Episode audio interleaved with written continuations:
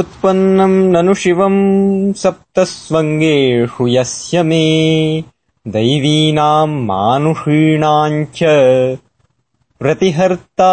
त्वमापदाम्